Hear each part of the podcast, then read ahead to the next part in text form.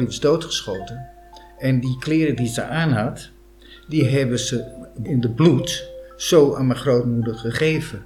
En toen wist mijn grootmoeder op dat moment niet dat, eh, dat ze doodgeschoten was.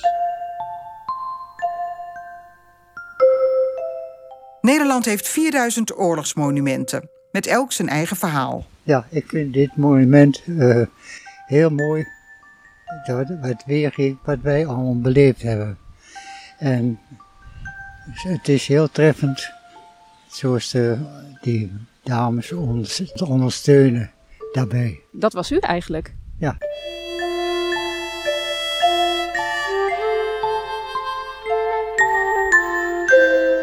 In deze podcast gaan we op zoek naar de verhalen achter de gedenktekens. Het was levensgevaarlijk. Je kon nergens schuilen. Je was duidelijk zichtbaar voor iedereen op zee. En het was in de ogen van velen pure zelfmoord. Er werd juist niet meer over gesproken. Ze probeerden te vergeten. Verstilde verhalen. Een podcast van Omroep Max en NPO Radio 1.